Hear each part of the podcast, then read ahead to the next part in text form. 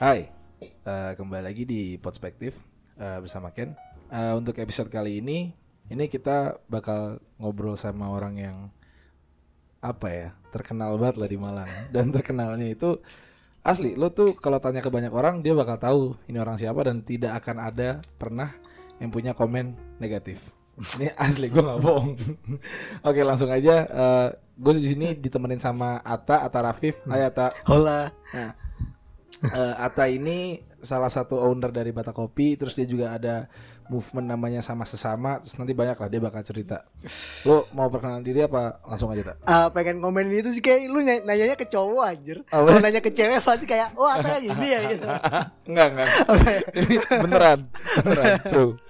Silakan lu perkenalan diri atau mungkin yang orang yang belum pernah dengar siapa itu Ata Rafif silakan. Ah, hola. ah, my name is Tata Rafif. People know me BSS founder kali ya, founder Bata Kopi. Oke. Terus apa lagi ya? Ya gue punya project iseng namanya sama-sama. Hmm. Terus habis itu udah kali kan Oke. nggak ada lagi. Eh, lo sekarang udah nggak kuliah kan? udah nggak kuliah. Lo lulus wisuda Dua, gue lulus 2016 Agustus, gue wisuda 2017 Januari. Oke, sekarang 2019. Kenapa lo masih di Malang?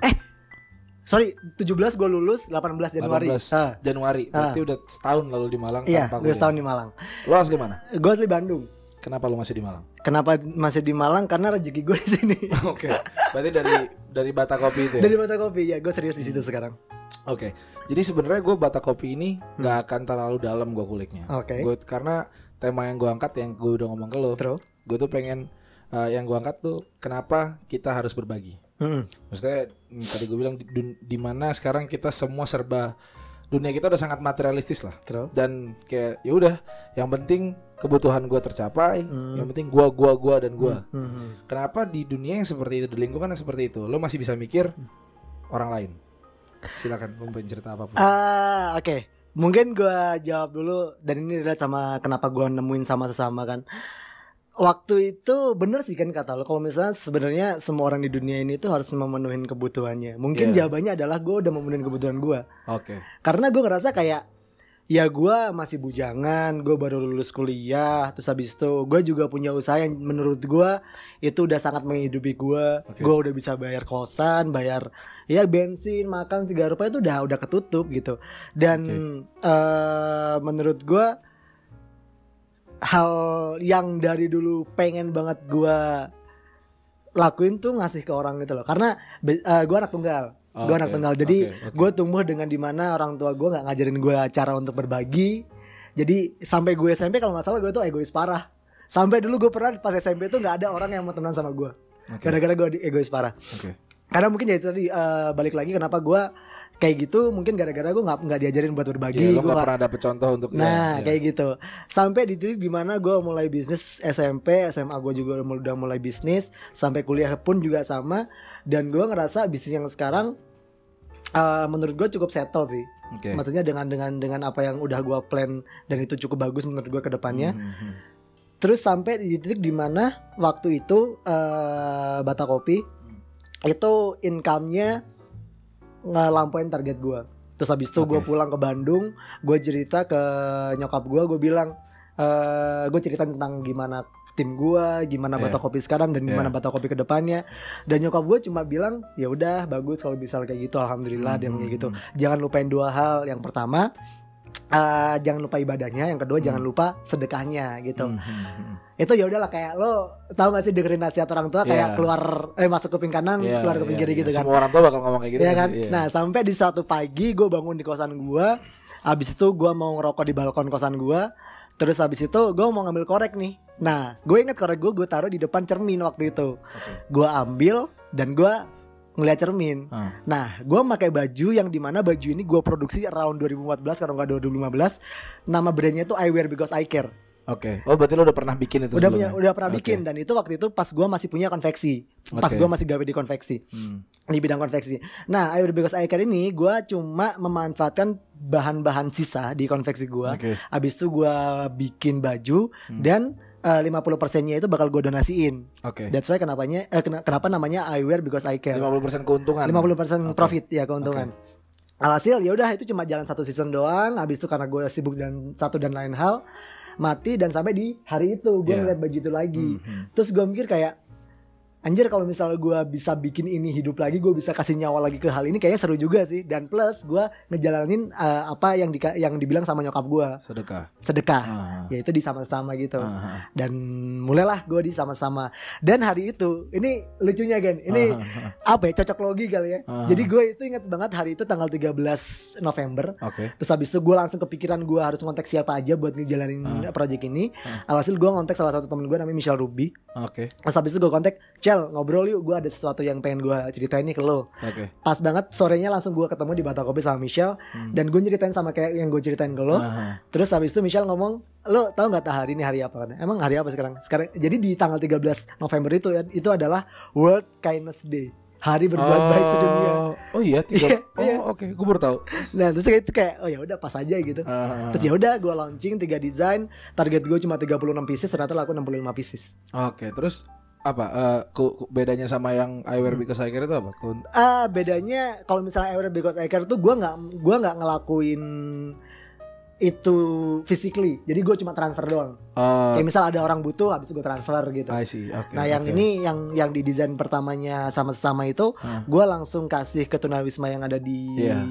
pasar besar Iya, Malang. Iya. Terus sampai gue bingung kan awalnya gue 36 pieces tuh kayak gue udah hitung oh dapat sekian ratus nasi nasi kotak nih gitu. Ah. Ternyata untungnya 2,6 juta deh kalau nggak salah waktu itu dan itu gue kasih ke eh, apa namanya ke tunawisma yang ada di jalan pasar besar itu Iya. sampai gue mikir anjir 200 2 juta 600 jadi 260 nasi box emang ada ya orang sebanyak itu Iya. hasil gue kalau nggak salah waktu itu beli 60 selimut sama sisanya gue baru beli nasi bungkus berarti lo kasih nasi bungkus sama lo kasih selimut. sama tuh? kasih selimut Oke, itu kan Gitu. yang proyek pertama. Terus Oh, iya. yang proyek kedua? Yang proyek kedua gue ngangkat soal disabilitas, Hmm. terus eh, garis besarnya itu soal difabel. Jadi gue ngulik kata-kata difabel gitu, Hmm. difabel ternyata eh, bisa di bisa diartiin different but able. Terus habis itu gue juga keinspirasi dari acara lu Hmm. Iya. TEDx. Ah, ah. Nah eh, pas gue nge acaranya acara lu acara Hmm. TEDx gue gue appreciate banget gue harus ngangkat topik ke Pak Selamat Tohari ah. ya gue ngerasa kayak sebenarnya nah ini serunya di sama-sama itu yang yang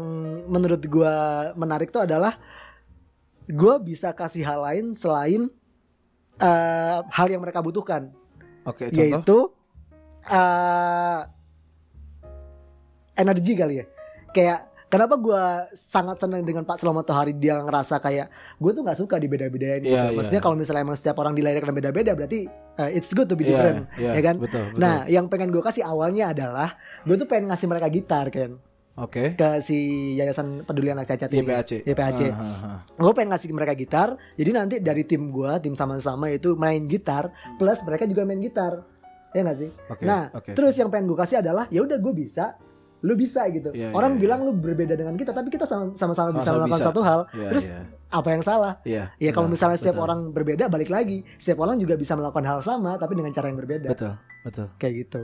Nah, gue maksud gue eh gini tak, gue jarang dalam hidup gue ya, gue Hmm. cuman melihat I look up to beberapa orang aja Ah. yang menurut gue emang wah parah nih orang punya hati yang tulus lah. Nah, nah setelah gue tahu cerita lo tuh, lo Ah. menjadi salah satunya nih. Terus tadi gue nggak bohong, gue ngundang lo itu pure perkara kekaguman gue sama apa yang lo lakukan. Nah ini gue true. Jangan dong, ntar Nah, gue ini- sombong nih. Nggak, nggak masalah maksud gue ketika lo sombong perkara hal baik it's fucking fine menurut gue maksud gue gini kenapa tak kenapa maksud gue tadi lo, lo cerita lo anak tunggal dan segala macam lo nggak dapet contoh apa segala macam kok bisa Kok bisa ya? Gue juga kadang-kadang gak ngerti kan. Cuma apa ya jawabannya mungkin eh gue udah ngerasa cukup kali ya. Eh, Sebenarnya hal yang sama eh, kemarin gue juga sering ngebahas Hmm. soal ini. Banyak Hmm, orang yang nanya.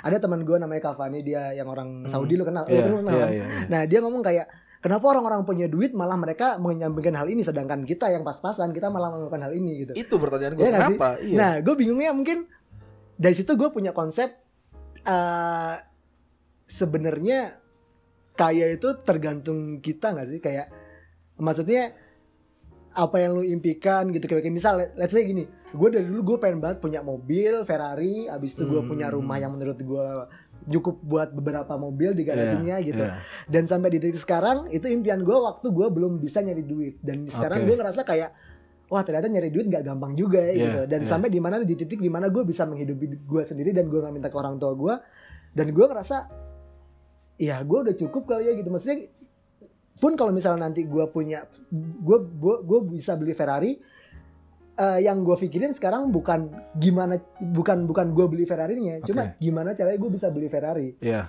jadi eh, sekarang gue kalau misalnya melakukan suatu hal itu gue punya tiga dasar kan Apa tuh? eh, ntar eh ngitin gue masalah lu pert- pertanyaan lu tadi Iya, ya gue suka iya, lupa iya. gue punya tiga dasar Eh, setiap gue melakukan bisnis itu gue punya tiga dasar yang pertama eh, ini nyokap gue yang bilang yang pertama eh, Tuhan tuh nggak nyuruh lu sukses nggak pernah nyuruh manusia sukses tapi Tuhan menyuruh lu tuh berusaha Bisa, betul. nah betul. dari situ gue orang Betul. yang mendewakan progres Oke. kayak misal kedai gue dulu nggak pakai mesin ternyata gue bisa beli mesin harga 40 juta gue seneng dong Iya. Abis itu gue Iya. nggak punya grinder, gue bisa beli grinder harga 15 juta, gue seneng. Oke. Karena gue nikmatin banget progres itu. Dari kedai Oke. gue yang cuma satu sekarang jadi dua gitu. Iya, dan and iya. so on and so on and so on Ah. gitu. Jadi gue adalah orang yang mendewakan progres. Yang kedua, eh, nyokap gue bilang eh, rezeki orang tuh beda-beda. Misal gue Oke. bisa bikin coffee shop eh, ngejual eh, ngejual cup 100 cup per harinya. Oke. Lo punya coffee shop lo ngejual 1000 per harinya. Oke. Ya udah, rezeki lo itu rezeki gue, gue iya, itu gitu. iya, Dan iya. dan dari situ gue nggak pernah compare coffee shop gue dengan coffee shop lain. Meskipun eh, gue berusaha untuk jadi kayak mereka. Iya. Cuma yang gue lihat. Eh, Iya. bukan bukan bukan kayak anjir nih ini banget nih gitu. Iya, iya, iya, iya. Nah yang ketiga ini jadi dasar semuanya. Nah Tuhan nyuruh kita tuh buat istiqomah, Oke. berusaha setiap harinya. Oke. Anjing gue gini religius Iya, gitu. ya. Nah, maksudnya ini ini yang ada di otak gue sih. Jadi gue ngerasa kayak eh gue dapat uang 100 ribu sehari nggak apa-apa. Gue Hmm. dapat uang sejuta tujuh ratus per hari nggak apa-apa. Gue dapat uang 3 juta per hari ya udah gitu. Itu rezeki gue gitu. Hmm, hmm, As long as gue bisa bayar pegawai gue, gue Hmm. bisa melakukan hal yang gue suka gitu. Iya. Terus habis itu gue bisa ngasih makan gue sendiri, gue bisa menghidupi gue sendiri. Menurut gue itu udah cukup sih. Nah sampai di titik di mana kayak gue ngerasa eh ya udahlah gitu. Maksudnya gue mau sampai kapan gue hidup buat diri gue sendiri. Plus ada satu hal lagi sih yang, yang sebenarnya ini eh gue nggak pernah jawab ini ke ke orang-orang lain Oke, karena gue oke. setiap jawab ya udahlah jawab aja. Ini gitu. premier ya, silakan silakan. Menarik nih, menarik. Eh, karena gue nggak gue ngerasa hmm, nggak punya rumah cuy. Maksudnya? Jadi gini, Gimana, simply gue gini, gue gue orang yang ngerasa cukup dengan penghasilan gue 5 Ah. juta misalnya ya. gimana? Aha, Terus habis itu di saat ada orang-orang lain yang penghasilan 15 juta, Oke. terus habis itu ketika nanti someday mereka mat, mereka sakit dan mereka harus bayar uang rumah sakit, Ah. mereka ada yang- mereka ada, ada uang buat itu. Aha, Nah sedangkan gue, gue gak ada uang buat gue bayar rumah sakit. Oke. Nah sedangkan gue sekarang gue punya tenaga, gue punya hal yang sekiranya gue bisa lakuin buat gue eh, ngebantu orang yang di mana nanti ya amit-amit lah sama eh, sesuatu saat nanti ketika gue sakit dan gue gak punya uang, gue yakin ada orang yang ngebantu gue. Nah Ah. konsep gue di setiap gue bikin sesuatu itu kayak gitu. Itu jadi alasan kenapa tagline-nya sama-sama itu adalah kita adalah tentang menanam dan menuai. Iya, iya, betul. Nah, kayak gitu. Iya, iya. Karena gue ngerasa eh gue nggak punya cukup keluarga buat ngebantu gue. Maksudnya gue nggak punya saudara-saudara yang menurut gue eh, dia nggak dia bakal bisa ngebantu gue nanti. Iya. Dan plus eh, ini jadi cara gue nge-treat teman-teman gue di tim Hmm. gue di Bata Kopi. Hmm, hmm. Oke lah sekarang gue bisa ngebantu anak-anak gue ngasih uang jajan mereka lebih dengan cara mereka buat Bata Kopi kerja buat Bata Kopi. Iya. Cuma nggak ada yang tahu kan ketika nanti lima tahun ke depan atau empat tahun ke depan atau besok tiba-tiba gue ada masalah, yang ngebantu gue siapa? Iya mereka. Ya teman-teman Iya. yang pernah gue bantu. Iya. Dari 10 orang yang pernah gue bantu, satu orang aja yang pernah gue bantu ngebantu gue, gue udah seneng. Iya, iya. Simple as that. Oke. Git, maksud gue gini tak. Eh, Oke lah, let's say tadi yang lo bilang 15 juta, Hmm. gaji 5 juta dan segala macam. Cuman sedikit gitu loh tak Hmm. orang yang gue kenal yang mereka yang mereka punya uang lebih gitu dan Hmm. mereka memikirkan orang lain gak usah gak usah bicara orang lain gue deh Hmm. misalnya kayak gue udah merasa kayak oke gue udah udah udah terpenuhi lah kebutuhan gue Hmm. cuman selalu muncul aja kebutuhan baru yang gue buat Hmm. maksudnya sebenarnya gue nggak butuh cuman gue buat seolah-olah gue butuh akhirnya Hmm. kayak ya udahlah gue pengen uh, penuhin kebutuhan gue dulu Hmm. orang lain belakangan tar misalnya lo bilang kan kebutuhan lo udah Hmm. udah, tercu- udah tercukupi nih Hmm. cuman kan masa lo nggak ada keinginan lain dan segala macam gitu Eh, pas gue getting older, gue pemikiran gue makin minimal anjir. Gue ngerasain, maksudnya gue Ah. sekarang eh, pemikiran gue tuh semakin minimalis gitu loh kan. Kayak eh gue pengen beli Ferrari gitu. Ferrari Ah. sebenarnya fungsinya apa sih gitu? Haha. Kendaraan. Iya, gue udah iya. punya mobil. Iya. Terus habis itu gue pengen punya rumah gede gitu. Terus habis itu eh rumah fungsinya apa buat lu pulang. Gue udah punya Oke. kosan gitu. Terus habis itu gue pengen beli baju Supreme gitu harga 1,5 juta gitu. Aha. Gue dulu konveksi, gue bisa bikin baju sendiri dan Iya. lebih murah gitu. Dan gue Iya. juga senang makainya. Iya, Ya udah, iya, simply iya. kayak gitu. Nah dari dari pemikiran yang minimal itu, itu yang ngebuat ketika gue melakukan suatu hal juga yang gue lihat itu value dari apa yang gue lakukan Oke. bukan hasilnya Iya. nilai iya, iya, nilainya iya. nah dari situ gue termasuk orang yang percaya banget ke proses tuh nggak bakal ngianatin hasil as long as Iya. lu into banget dengan apa yang lo Iya. lakukan hasilnya Iya. pasti bakal sama Iya, iya. kayak gitu nah dari situ ya udah gue kayak misal kayak gue pengen beli Ferrari ah tapi gue udah punya mobil belum tentu kalau misal gue punya Ferrari gue bisa ngerawat Ferrarinya gue punya mobil ini aja kadang-kadang nggak gue rawat Iya, Nah, iya, iya. terus habis itu kayak gue ngerasa oh berarti mungkin gue udah cukup kali ya gitu dan gue bikin sama-sama itu fokusnya bukan di gue gitu bukan di gue yang sekarang mungkin ya Aha. fokusnya adalah tentang eh, gimana caranya eh, nanti eh, gimana caranya gue sekarang yang gue bisa punya power untuk bukan power ya gue punya kesempatan untuk memba- membantu Ah, orang lain dengan hal yang ah. gue punya dan plus gue suka kayak marketing gue suka Aha. terus habis itu branding gue suka Oke. produksi juga gue suka hal itu juga Oke. udah ada bisa udah gue bisa semuanya gitu dibuat bikin sama-sama Oke. dan alhasil gue mikir kayak ah mumpung nih ada hal yang bisa gue lakuin buat orang Hmm, lain hmm. gue lakuin dulu kali ya ya gunanya ya itu tadi balik lagi sih Ken ya gue yakin lo bakal makan buah dari pohon yang lo tanam sendiri Oke. Tapi let's say 10 orang yang lo bantu Hmm. itu gak akan membantu lo balik. Katakan mereka akan lupa sama lo. Lo Nggak bakal tetap melakukan. Gak mungkin menurut let's gue. say, let's say mereka tidak maksudnya Hmm. Kayak misalkan lo ngasih makan orang eh, tunawisma atau segala macam. Mereka kemungkinan besar cuma inget lo oke orang yang bantu tapi tidak inget lo secara oh kini ini Ata Eh. gitu. Lo tetap akan melakukan itu. nah di di di kepala gue itu ada space di mana eh, magic magic magic tuh harus eh, selalu ada di situ gitu maksudnya kayak Oke, oke. eh, lu bilang kalau misalnya oke eh, orang tunawisma nggak bakal ingat gua siapa yang pernah ngasih makan mereka Ah. cuma Tuhan nggak tidur Betul. ya gak sih kayak Iya, iya, iya, iya. oke eh, gua nggak nggak bakal dibantu oleh mereka gitu ah, ah. cuma ada hal lain yang nanti bakal ngebantu gua Oke. oke. sesimply kayak misalnya ya kayak lu ngundang gua buat jadi guest di podcast lu gitu menurut gua gua seneng gara-gara apa ya gara-gara gua dulu basically siaran terus Ah, habis itu gua udah lama gak siaran habis itu eh, lu ngundang gua buat ngobrol di mic itu gua Ah. seneng aja gitu Oke. ya eh gue ngerasanya kayak semua itu gue syukurin meskipun kecil gitu loh kan Oke. kayak misal Oke. eh, oh ini ada cerita seru sih Gimana? waktu itu eh, kedai hujan Hmm. eh, Malang hujan habis Hmm, itu kedai gue cuma dapat uang dua ribu Mhm. terus habis itu eh, kedai gue lu tahu kan kedai gue Iya. Sorry masuk-masuk ke gang gitu dan nggak dan nggak gampang orang eh, ke situ Iya. nah habis itu waktu itu gue cuma dapat uang dua ribu kalau nggak salah Ah, ah. sehari revenue gue. Iya. terus habis itu kayak gue mikir anjir ini bayar anak-anak gimana cerita gitu Iya, kan iya. sampai besok paginya gue ngopi dan ketemu orang yang punya kedai kopi yang tempatnya proper banget dan rame Oke. dan lo tau nggak dia dapat uang berapa Berapa? dua puluh ribu gimana Wow. gue gak bersyukur coba ya gak sih kedai kopi gue kecil Oke. habis itu masuk-masuk tapi gue dapat revenue dua puluh dua ratus ribu dan sedangkan dia punya kedai kopi yang proper Ah, terus habis ah, itu eh, di tengah keramaian tapi dia ah. dapat eh, revenue 20.000. dua puluh ribu kayak gitu Oh, Oke. tentang ini sih kan kalau menurut gue tentang gue juga kadang-kadang sampai nanya sebenarnya konsep kaya tuh kayak gimana kalau misalnya menurut lo deh lo lo lo ngerasa diri lo kaya pas lo nyampe kayak gimana Berat sih ini. Coba coba coba gue pengen tahu aja Kalau gue, gue ses, gue nggak nggak ini sih tujuan gue kalau misalkan dibilang mungkin bukan kaya ya, cukup kali. hmm. Kalau men- menurut gue cukup adalah ketika gue punya adik dua tak btw. Adik gue dua perempuan, bokap gue udah meninggal, jadi tanggung jawab adik gue dua itu Di secara tidak langsung di gue. Eh, kalau gue satu cuma udah mau nikah, jadi adik gue dua ini.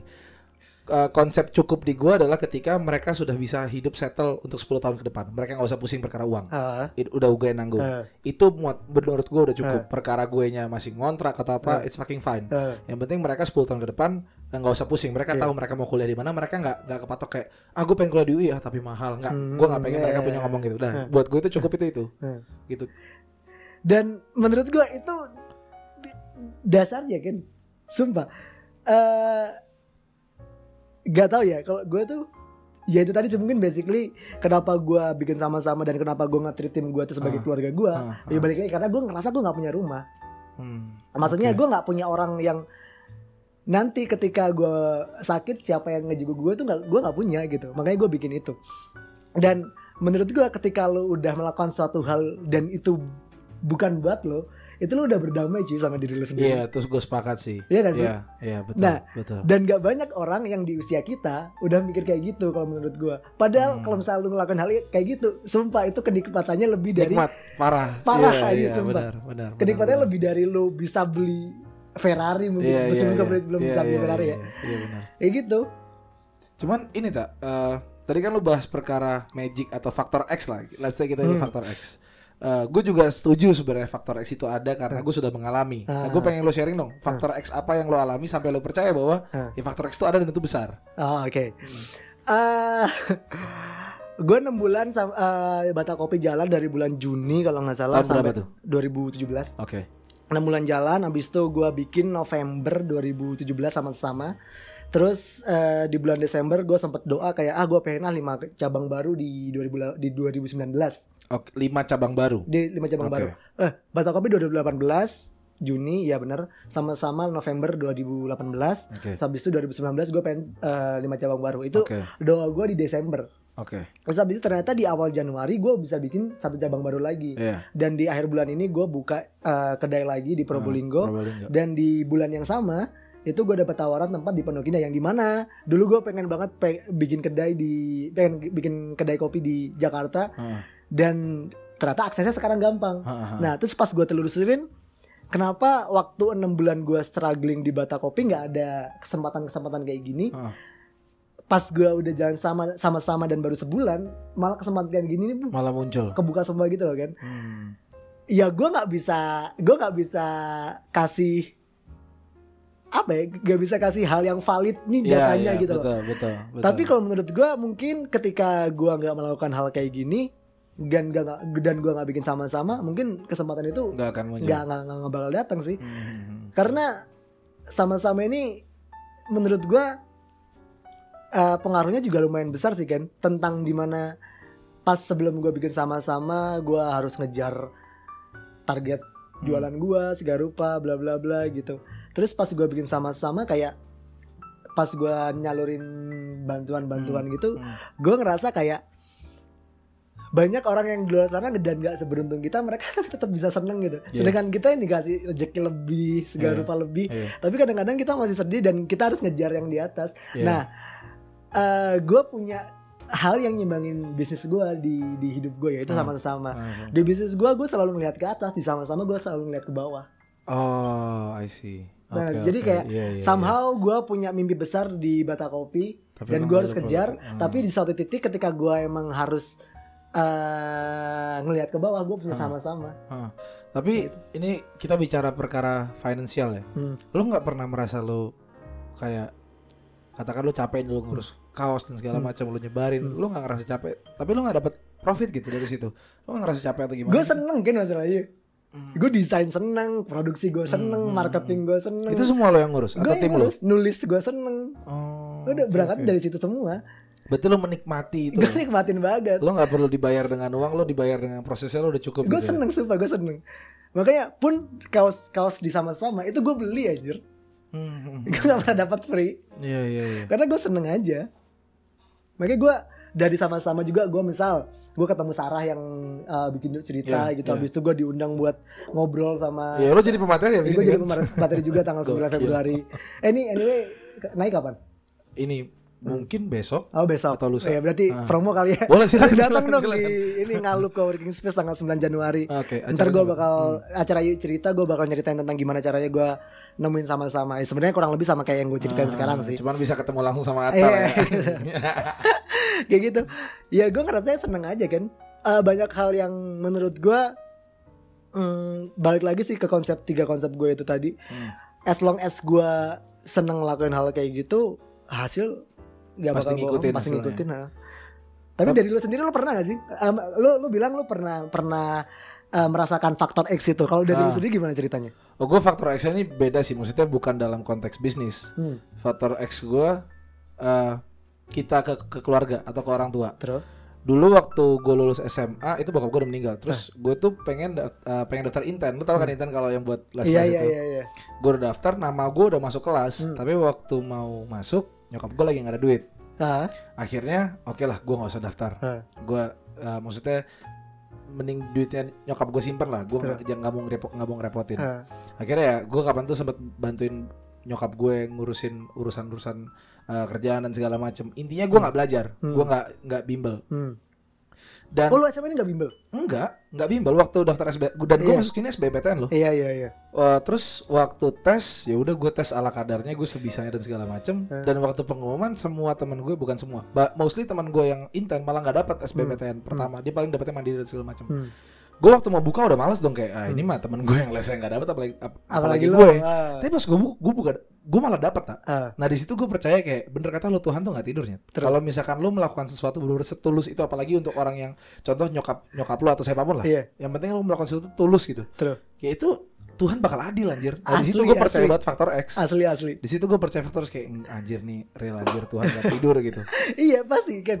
Eh gue udah cerita ke lo belum sih kalau misalnya gue keluarga gue bangkrut tiga kali. belum belum Oh, belum belum ya? belum belum Cerita Jadi bo- bokap gue itu BUMN, nyokap gue tuh bisnis. oke Nah abis itu nyokap gue ini bisnisnya ya lumayan ada yang gede ada yang kecil juga. Ah. Tapi gue ngerasain eh bangkrut tiga kali gue SD pernah gue SMP pernah plus pas gue SMA di mana kayak lu zaman zaman SMA lu harus ke, Iya, ke sekolah iya, bawa iya, mobil iya, bla iya. bla bla bla lagi gitu. menikmati hidup banget Iya lah nggak ya sih? Iya, iya. Nah itu gue bangkrut dan Oke. itu kalau ini gue ceritain tentang gimana keluarga gue bangkrut.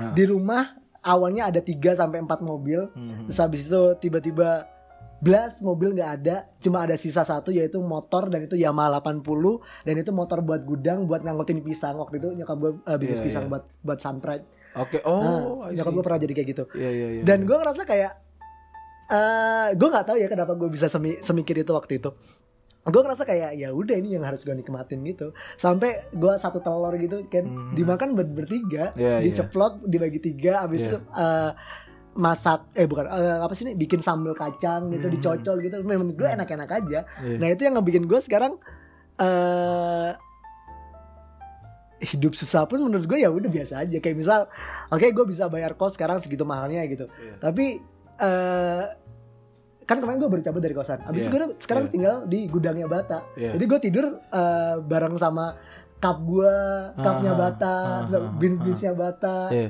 eh, gula aren segala punya gue tidur tidur aja gitu nah menurut gue mungkin eh nyokap gue pernah bilang sih kayak lo mau dapat duit sebanyak apa pun satu hal yang kalau bisa lo pegang adalah gaya hidup lo dia kayak gitu Oke. karena lo udah di set buat hidup lo di- lo bakal hidup dengan eh, bisnis dan bisnis nggak selamanya enak dan nggak selamanya kerja kantoran sebenarnya gue bisa aja bayar kosan gue segitu mahalnya sampai nanti cuma gue mikir gue harus tetap ngelatih mental gue nih buat ntar kalau misalnya someday gue jatuh Iya. ya gue pasti bakal bisa nerima gitu Oke. makanya gue gue berhenti kos di situ terus habis itu gue sekarang pindah di gudangnya Bata terus udah Ah. tidur situ ya menurut gue fine fine aja sih Jadi menurut lo eh, setiap orang tuh perlu susah ya untuk perlu lah cuy untuk supaya dia lebih tahu gitu. perlu ya? lah Eh, ada cerita seru tentang kenapa orang harus susah Gimana? Jadi, gimana? di eh, apa sih namanya di Toraja Oke. itu ada tiga eh, ada tiga jenis kopi di Toraja yang ngebedain cuma ketinggiannya doang yang pertama ini Toraja Sapan kalau nggak salah yang tengah ini Toraja apa gitu gue lupa yang Eh. paling tinggi itu Toraja Awan Oke. nah dari tiga Toraja dari tiga jenis kopi Toraja itu yang paling bagus itu Toraja Awan Oke. Gara-gara apa? Gara-gara ditanamnya itu di dataran yang paling tinggi, Oke. di mana dataran ini nggak subur sama sekali, Oke. dan si pohonnya itu, ha- si akar dari pohonnya itu harus nyari air nembus-nembus uh, kerikil-kerikil itu, Oh, oke. dan alhasil dia Iya, jadi iya. beans yang paling bagus. Oh. Tau gak sih? Iya, Kayak iya, iya, The iya. toughest motherfucker around gitu loh. Iya, iya, iya. Kalau iya, misalnya iya. lu ditempa abis-abisan, ya lu pasti bakal kuat abis-abisan. Oke, oke. Gue ngerasa sih kayak gitu. Oke, tapi kalau misalkan kan ada aja orang yang memang dia hidup di lingkungan yang serba Eh. segala macam dia serba nyaman, dia nggak pernah keluar. Maksudnya dia nggak perlu nggak perlu harus merasakan susah di Hmm. hidupnya itu gimana menurut? lo? Apakah dia tidak bisa eh, menjadi orang yang bagus banget? Hmm. Apa gimana? Ah harusnya bisa mungkin cara ini ya cara nah gue ini kan gue salah satu orang yang percaya eh lo tuh terbentuk dari masa lalu lo plus orang-orang di sekitar lo Betul. ya Betul. lo juga setuju, percaya itu mungkin setuju, ya? setuju. Nah, eh contoh misal Putri Tanjung gitu Oke. dia bokapnya bokapnya tajir melintir Iya, iya. terus habis itu eh, keuangan gampang bla bla bla Hmm. gampang cuma masa lalu masa lalu bokapnya dia tahu Iya. which means dia juga merasakan masa lalu Iya, bokapnya iya. terus yang kedua cara bokapnya nge-treat Putri Tanjung karena mungkin masa lalunya kayak gitu dia nge-treat anaknya kayak gitu misal gue pernah dengar cerita ternyata Putri Tanjung buat ngelakuin project pertamanya bokapnya nggak cawe-cawe sama sekali Oke. dan spo- eh, masalah sponsor eh, si Putri dikasih tahu sama si siapa Hairul Tanjung Oke. dia bilang lu jangan minta sponsor ke perusahaan papa ya gitu Alhasil Putri nyari sendiri Oh, iya iya iya iya. dan sekarang ketika eventnya gede apa kreatif planner itu gede Iya, iya. sekarang masalah ma- malah perusahaan bokapnya yang minta jadi sponsornya si Putri Tanjung Hmm. Iya iya. nah oke. berarti si Putri Tanjung kebentuk dari hal masa lalunya plus orang-orang di sekitarnya kan Oke. Nah, sebenarnya gue juga nggak percaya tentang orang judgement gitu sih kayak misal ah lu mah enak tak anak tunggal lu dimanja dong. Iya. habis itu lu dapat Iya. ntar warisan banyak dong gitu. Iya. Ya belum tentu gitu nggak semuanya kayak gitu. Iya iya iya. Cara ngetrit orang tua gue pun juga nggak kayak nggak gue nggak kayak anak tunggal. Kalau misal gue anak tunggal dan gue ditreat kayak orang-orang biasanya mungkin udah lu kuliah di Bandung aja deket sama Hmm. rumah ini makan ada mobil ada Iya, lupa nggak iya. ada gitu Hmm. nah gue awal-awal di Malang gue pernah kan kan gue dulu punya eh, clothing line ya Ah, Dulu- ah. dulu punya distro abis itu gue cabut dari distro sampai di titik di mana duit gue cuma lima belas ribu lima belas ribu Yang lu pegang. yang gitu? gue pegang Oke. gue cuma punya duit lima belas ribu dan gue nginep di gue numpang di rumah teman gue namanya Sani di kosan teman gue namanya Sani dua Ah. bulan deh kalau nggak salah dan itu pas gue punya duit lima belas ribu untuk terakhir kalinya gue makan tahu telur tahu Oke. telur harga berapa sih biasanya enam ribu Iya iya ribu, iya tujuh ribu delapan gitu. ribu ya. dan itu harganya lima belas ribu Oke. jadi gue gak pegang duit sama sekali ah, terus tiba-tiba eh, ada orang ngontek kayak tak mau bikin jaket dong berapa bang segini kata oh iya boleh gue kerjain punya duit lagi punya duit lagi gitu mungkin gue udah kebiasaan dengan hidup ya hidup Oke. gue besok gue, struggling hari ini Tapi lu dari kapan tak nggak minta duit ke orang tua? SMA kali ya gue lupa SMA Sumpah dari SMA lu nggak SMA. minta duit. SMA kayaknya Dan orang tua lu fine aja gitu. Maksudnya lu anak tunggal gitu. ah tapi beberapa, beberapa kali kalau misalnya gue gak punya duit kayak gitu kadang-kadang gue minta sih Oh iya iya. tapi iya. kayak eh emang gak punya duit nih gitu ya ada Hmm. dikasih gitu Cuman lu dari SMA lu udah nggak minta yang monthly gitu nggak ya? udah udah enggak udah enggak Turning point di hidup lu apa tak? Maksud gue kadang kan ada orang yang Hmm. kayak tadi lu bilang lu ngerasain uh, bangkrut dan segala macam. Hmm. Maksudnya lu dapat pemikiran seperti itu. Turning pointnya apa? Apa kejadian yang mempelopori itu? gue gede di jalan soalnya kan Gimana? Maksudnya gue gede di jalan gimana? maksudnya eh gue bisnis gitu bisnis eh, menurut gue bisnis tuh serunya adalah lo selalu ketemu sama orang baru lo Betul. melihat perspektif baru Betul betul. Sepakat. sampai gue. di titik di mana dari kacamata gue sebenarnya semua hal itu nggak ada yang salah anjir sekarang ya Oke. even lo pernah nyadar gak sih kadang-kadang hiburan ini hiburan hib- hiburan gue ketika gue nonton berita dan eh gue ngelihat koruptor ditangkap dan istrinya nangis-nangis buat dia nggak ditangkap Iya. padahal dari kacamata kita dia salah tapi Iya. dari kacamata istri nggak salah gitu It's all about perspective gak sih? Oh, Iya betul. ya sebenarnya di dunia itu gak ada yang salah Iya, ya cuma iya, iya, caranya iya. aja Iya, iya, dan iya. yang ngebikin kenapa hal itu salah karena kebanyakan orang sepakat kalau misalnya itu salah Iya betul betul. Kebenaran tuh ber- uh, di- dibuat dari kesepakatan. nah iya Iya iya iya. Nah iya. kayak gitu.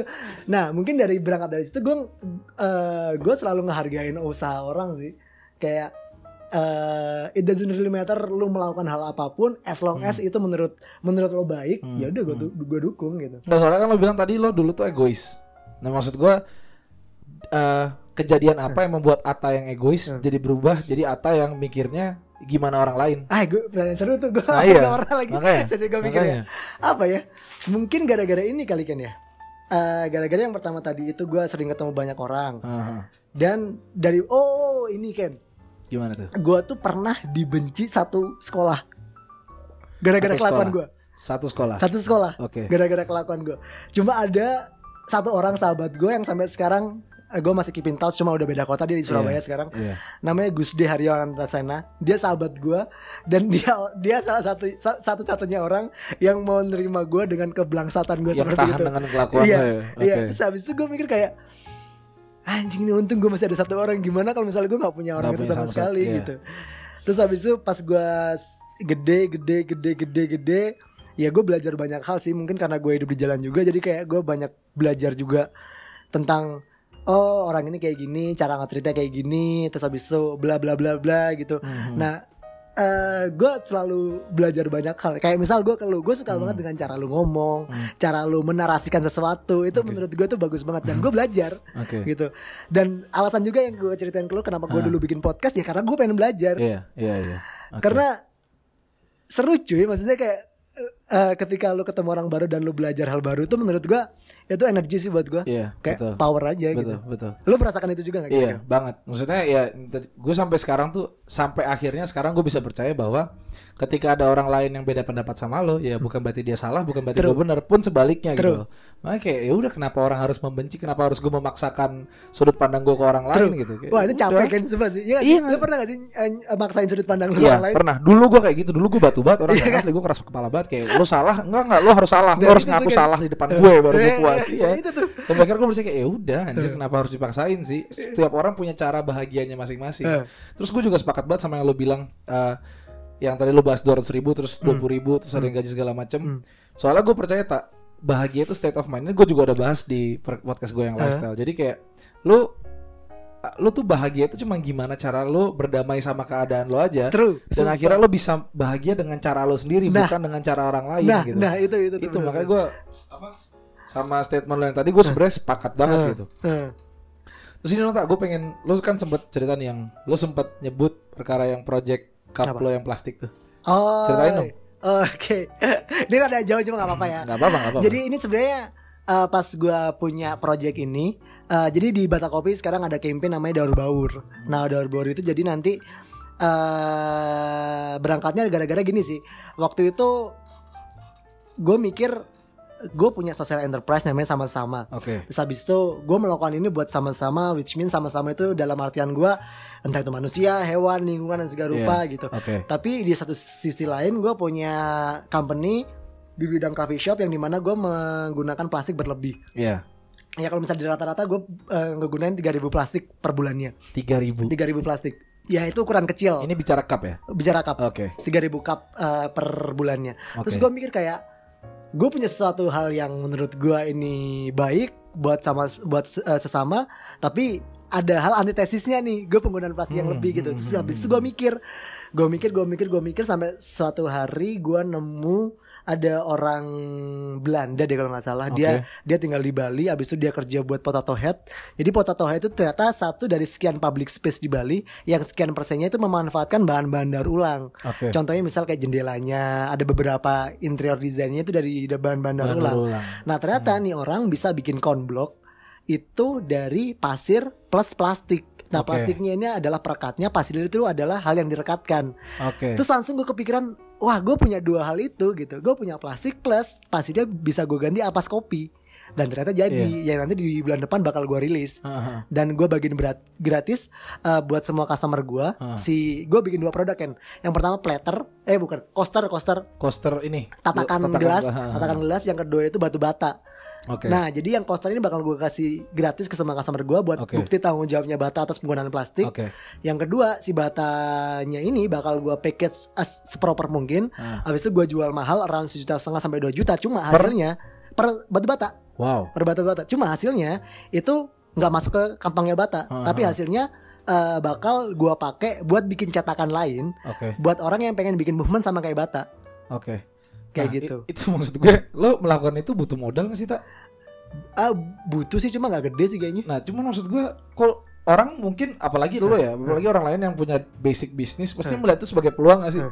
Tapi kenapa lo tidak menjadikan itu peluang bisnis gitu, malah menjadikan peluang lo untuk berbagi lagi aja, lagi lagi lagi lagi mungkin berbagi, nanti gitu. ya, mungkin nanti bakal jadi bisnis sih kan. Cuma sekarang Hmm. eh nah ini gue sukanya di bata itu gue nggak sekedar jualan, tapi gue itu ngebangun sesuatu. Iya, iya. Nah, eh, itu kenapa desain gue perhatiin, Hmm, hmm. even kayak gue di Bata itu nggak pernah hard selling kalau misal lu perhatiin, nggak pernah yang kayak eh, misal es kopi Bata Ko gitu kayak Hmm, hmm, es kopi ini paling enak bla bla Iya, bla bla iya, gitu gak pernah iya. kayak gitu. Gue tapi Oke. lebih ke kayak nulis kayak kalau misal lu ngebaca descriptionnya Bata sama Bat- Bata itu single shot, Bata Ko kan double Iya, shot kan. iya. Nah, gue itu uh, ngebikin description itu dengan cerita. Cerita. Iya, gua baca kok. Lu baca sih? gua baca, nah, baca. karena menurut gua satu sisi yang penting dari eh lo menangin market lo itu adalah nyerang sisi psikologisnya Oke. dan itu jatuhnya Oke. ke karakter dan jatuhnya ke marketing. Ada Oke. dua hal yang beda dan menurut orang itu sama selling sama marketing. Oke. Ternyata marketing sama selling itu beda. Beda. Selling itu adalah goalsnya engagement kalau Oke. selling itu penjualan kan Iya iya. nah iya. jadi kenapa gua nge-branding diri gua itu sebagai marketing di Bata gara-gara gue melakukan hal yang di mana nanti orang itu bakal ter- terkoneksi dengan brand gua Iya iya iya. Nah, salah satu dengan gua ngebikin campaign itu, Mhm. baru-baru itu secara nggak langsung jadi karakter juga dong di brand gua. Iya, Dan iya. gue seneng ngelakuin hal itu. Oke. Ini gue pengen bahas tentang bisnisnya sedikit nih. Boleh, Tentang boleh, boleh. pandang bisnis. Eh, gue gak pro-pro banget tapi kan, Hah? nggak pro-pro banget. Sama apa-apa, nggak masalah, nggak masalah. Nggak, ini ini bisnisnya eh, terkait bata kopi sih. Ah, Jadi gue tuh sebenarnya orangnya bukan orang yang suka nongkrong pak. Hmm. Gue nggak kayak setiap hari oke harus gue nongkrong, gue pengen ngobrol enggak enggak. Gue lebih suka di kamar kayak tadi gue ceritain True. itu. Gue lebih baik di kamar. Cuman eh, waktu gue senengnya ke Bata Kopi, kenapa gue suka ke Bata Kopi walaupun dari sini kan jauh banget nih, Hmm. dari tempat gue ke Bata Kopi jauh. Cuman gue suka gara-gara menurut gue tempat yang paling enak untuk lo bertukar pikiran true. Bukan cuma tempatnya bahkan orang-orangnya Hmm. itu di Bata Kopi. Gue nggak tahu ya gimana cara lo mensegmenkan Hmm. pasar lo. Hmm. Cuman kalau di tempat kopi lain gue ngerasanya udah gue cuman kalau duduk gue cuman hai hai Hmm. ya gue seneng cuman hai doang. Hmm, hmm. Gue pulang gue ngantongin sesuatu. cuman ketika gue ke Bata gue ketemu sama orang-orang yang gue nggak tahu padahal gue nggak kenal sebelumnya kayak contoh sama Dava, sama Cavani, sama Iya. uh, Vira gue nggak kenal Iya. sebelumnya. Cuman akhirnya anjir gue dapet sesuatu gitu dari Hmm. mereka. Nah gue nggak tahu gimana cara lo mensegmenkan pasar lo Ah, dan lo bisa aja mengumpulkan orang-orang yang seperti itu. Maksud gue apa yang memang itu tujuan utama lo atau eh, gimana di Jawabannya iya. ini? Jadi gini ceritanya. Gimana tuh? Nah, serunya serunya bikin Bata Kopi itu gini kan. Sebenarnya rada absurd juga sih dulu gue. Ah, Jadi eh, kakek gue orang India. Oke. Terus habis itu datang ke Indo gede di pasar. Oke. Terus habis itu bokap gue juga gede di pasar. Habis itu eh, gue eh, pernah ke salah satu kedai kopi di pasar gitu. Oke. Yang di mana bokap sama kakek gue sering-sering di pasar itu. Ah, ah, ah. Terus habis itu eh, di kedai kopi kecil itu kopinya kopi tubruk biasa. Hmm, hmm, Tapi hmm. kakek gue sama bokap gue itu kalau misalnya ngopi di situ eh, dia tuh si, si suasana kopinya itu hangat banget cuy kayak Hmm, hmm, lo hmm. kenal sama yang punya kedai kedai kopinya lo Iya. kenal sama semua orang yang ke sana gitu plus banyak keputusan bisnis yang diputuskan dibuat di di sana dan Oke. ternyata kan kedai kopi pertama kali di tahun 1475 namanya Kifahan di Oke. Istanbul Turki Oke. nah kedai kopi itu konsepnya persis sama kayak kedai kopi yang di kakek gue yang gue ceritain barusan. Jadi kedai kopi itu buat public space di mana Oh. orang-orang Turki pada zamannya di Ah. Istanbul pada zamannya itu mereka kalau misalnya ketemuan sama orang dan Ah. memutuskan sesuatu hal itu di situ. Oh, oke nah, oke. terus oke. relate sama gue. Gue dulu freelance design, Hmm, terus habis itu gue banyak ketemuan sama klien, gue ketemu sama klien konversi gue di coffee shop Hmm. dan banyak keputusan bisnis pun juga di situ. Ternyata Hmm. Gue gue nemuin garis merahnya, gue nemuin ben- benang merahnya. Hmm. Nah, gue taruh di bata kopi. Gue bikin bata kopi ini sebagai ruang tamu gue di mana Hmm. gue ketemu sama orang-orang Hmm, hmm, hmm. kayak gitu. Tapi maksud gue gimana caranya orang yang datang ke sana bahkan gue pun orang yang tidak sering nongkrong gue bisa mengkategorikan bahwa Bata Kopi adalah tempat yang tepat untuk gue pengen ngobrol gue pengen sharing gue pengen uh, sharing thoughts sama orang lain yang Hmm. bahkan perfectly stranger gue gak kenal sama mereka semua Hmm. tapi gue bisa tahu cara pikir cara pikir mereka gimana Hmm. mereka pun mendengarkan aspirasi gue jadi g- lu gimana gitu caranya lu untuk melakukan itu Gue kalau misalnya gimana nggak tahu sih ya. Mungkin eh, pembawaan lu kali ya atau atau mungkin gimana kali ya. Eh. karena iya yang gue lihat kayak yaudah bata kopi itu ata jadi Hmm. kayak orang ngelihat lo kayak oke dia orang yang suka ngobrol orang Hmm. yang uh, wawasannya lo dan segala macam ketika ditarik ke bata kopi kayak ya udah gue ke bata kopi gue pengen ngobrol segala Nah, macam itu. gitu loh Eh menarik ini kan. Jadi eh, sebenarnya brand itu kan butuh butuh agen representatif kan. betul Ya betul Nah, kebetulan banget gue marketing di Bata Kopi dan gue yang decide buat bikin Bata Kopi itu looksnya seperti apa dan image-nya seperti apa. oke Nah, dari situ ya kebetulan gue juga suka ngobrol, gue suka sama ketemu sama orang baru, gue Ah. suka belajar hal baru. Aha. Dan kebetulan banget dulu pas Bata Kopi masih kecil banget dan ya yang datang cuma teman-teman gue doang. Kerjaan gue tuh ngapain coba? Gue kenal kenalin doang ke teman-teman gue. Kayak misal lu datang nih, Oh, eh kan ah. kenalin teman gue nih Kavani, Ah, misal lu ngobrol gitu. ah, ah, Habis itu ada ntar teman gue datang satu lagi kayak, Ah, eh kenalin nih Ken nih, ini Kavani. Iya, gitu. iya, gue, iya, Iya nggak melakukan sih? itu, iya, nah, betul, betul. terus alhasil eh, dari situ di saat awalnya gue yang nge-trigger mereka buat ngobrol, sekarang gue ke sana gue yang ngedengerin Hmm, dari awalnya gua hasilnya itu ya. Iya sih? Nah, alhasil ya sekarang gue bukan bukan bukan nyeritain lagi, tapi sekarang Hmm. gue ngedengerin. Nah, itu jadi ruang tamu gue dan gue eh, ketemu orang baru lagi dan gue Ah. belajar banyak hal baru, ba- banyak belajar hal baru lagi di situ.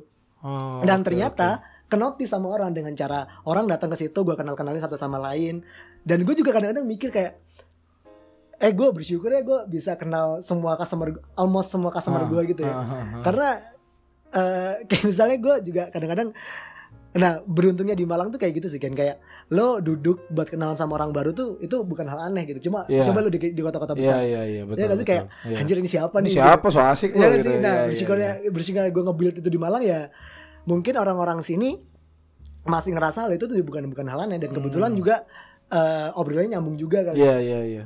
Jadi lama kelamaan hal itu gue lakuin berulang-ulang Ah. yang jadi karakter juga ternyata di Bata Kopi. Hmm.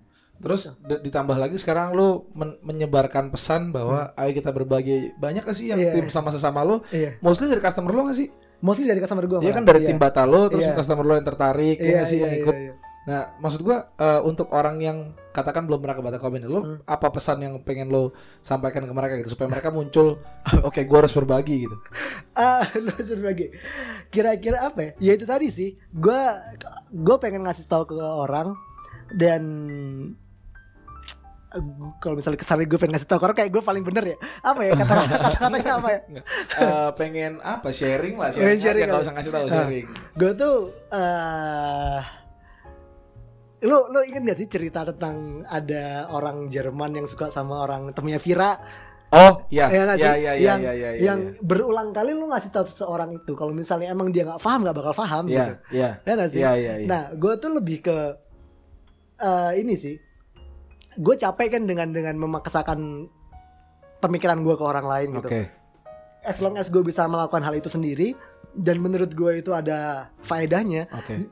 gue pasti bakal lakuin gitu dan emang kalau misal gue sekarang ngelihat nggak semua orang sih eh, bisa ngerti sisi itu Iya. even itu penghasilannya lebih dari lo ya Iya, iya iya. dan balik lagi ternyata ketika lo bisa dapat eh, pemikiran kayak gitu itu balik lagi. Itu karena pen- pengalaman pribadi lo juga.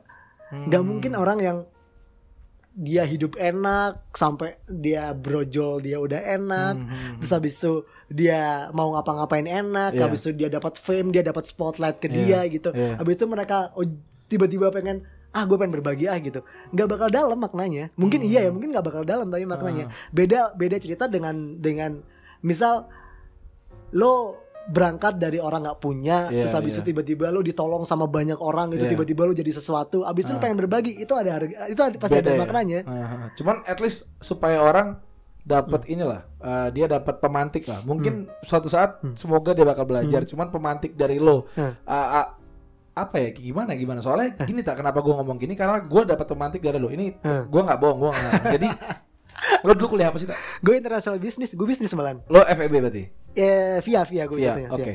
Gue kuliah hukum tak Hmm. dulu cita gue dari SMP cita-cita gue tuh pengen jadi pengacara. Hmm. jadi SMA gue langsung ambil, IPS gue kuliah nggak pusing gue ngambil fakultas hukum semua. Hmm. cuman cita-cita gue tuh jadi berubah gue jadi pengen petani tak gue Hmm. pengen jadi petani. Oh, ya, oh ya, terus terus. sesimpel cuman gara-gara eh, pertama gue waktu KKN dulu Hah? gue udah pernah cerita ke lo belum sih? Belum, belum belum, ya? gue waktu KKN dulu kan gue di gun- kaki Gunung Bromo. Hmm. dan itu eh, mostly petani. Hmm. terus pas gue lihat ternyata petaninya semua itu orang tua. Hmm. gue tanya lo pak yang muda ke mana semua? Anak-anak bapak? Oh nggak ada mas. Semua di kota. Lo Hmm. kerja di mana? Kerja di Indomaret terus akhirnya satu saat waktu sore datanglah mereka pada pulang kan pada Hmm. pulang ke rumah gue ajak ngobrol-ngobrol ngopi sambil ngerokok gitu gue tanya mas kenapa kerja di Indomaret kenapa nggak lanjutin petani terus dibilang rame-rame nih jawabnya mereka kan menjawabnya sambil bercanda Hmm. kayak ya gimana mas enak di Indomaret lah pakai AC saya Hmm. bisa main HP saya Hmm. bisa main Mobile Legend ini terus sorry, ini dia yang ngomong saya bisa main Mobile Legend eh, terus Disebut tuh main Mobile Iya, Legends. dan gajinya sama. Gajinya sama Hmm. dan mereka dapat baju, dapat segala macam. Intinya hidup mereka lebih enak kalau di Hmm. kota dengan kerja di itu. Tapi eh eh, petani itu jadinya nggak ada yang lanjutin. Hmm. Nah, terus gue juga lihat eh, mereka jadi yang yang gue tangkap itu mereka jadi nggak punya alasan lagi kenapa harus mereka melanjutkan petani. Hmm. Jadi mereka ngeliat kayak ngapain gue jadi petani lebih capek dan segala macam Hmm. gue di ini gitu. Hmm. Itu satu alasannya. Ah, ah, itu satu. Yang kedua, anak-anak di sana di desa itu banyak banget yang nggak punya eh, akta akta kelahiran. Mereka nggak Hmm. nggak punya. Boro-boro bapaknya punya KTP juga nggak. punya kakak, buku nikah nggak punya. Terus gue tanya, lu pak, terus kalau anaknya pengen sekolah atau pengen dapat beasiswa gimana? Terus dia bilang, ya nggak bisa mas, nggak usah lah di sini aja bantu-bantu. Anjir kasihan banget. Terus eh jadi akhirnya gue tuh sedih gitu mikirnya Hmm. karena Indonesia tuh negara agraris anjir. True. Cuman kok eh, yang seumuran kita semua bisnisnya eh, kita nggak ada yang fokus ke sana. Ya. bisnisnya kayak yang lain gitu. Ya. sebenarnya nggak salah nggak Ya, masalah. Itu ya. mereka bahagia dengan cara itu. Cuman gue pengen kalau bukan kita siapa lagi? True, kita true, harus true. menangin lagi produksi nih. Terus terus. orang kita apel Malang aja impor. Iya. kita beras impor. Garam kita impor. Laut kita sebanyak apa padahal? Tapi kita Iya. impor. Nah habis itu itu itu dua alasannya. Yang alasan ketiga ini yang sebenarnya gue sangat kenapa? Gue bisa sangat relate. Jadi gue dulu waktu kecil tuh ini tak gue sama kayak lo bokap gue bangkrut waktu tahun 98 dan segala macem. Eh gue dulu merasakan ketika gue mau sesuatu gue nggak bisa. Hmm. karena emang gak ada uangnya. Hmm. terus kalau ditanya pekerjaan bokap gue apa bokap gue dulu nggak lulus kuliah tak. Hmm. jadi nggak bisa kerja di mana-mana pun. Mau nggak mau ya harus bisnis. Hmm. kalau ditanya bokap gue apa gue gue misalkan ngisi form itu tulisnya wira swasta. Karena emang bokap gue nggak nggak nggak nggak Hmm. intinya adalah gue dulu waktu kecil gue nggak punya kebanggaan bilang bokap gue bisnis karena gue tahu bisnisnya juga terseok-seok terus Iya, bangkrut segala macam iya.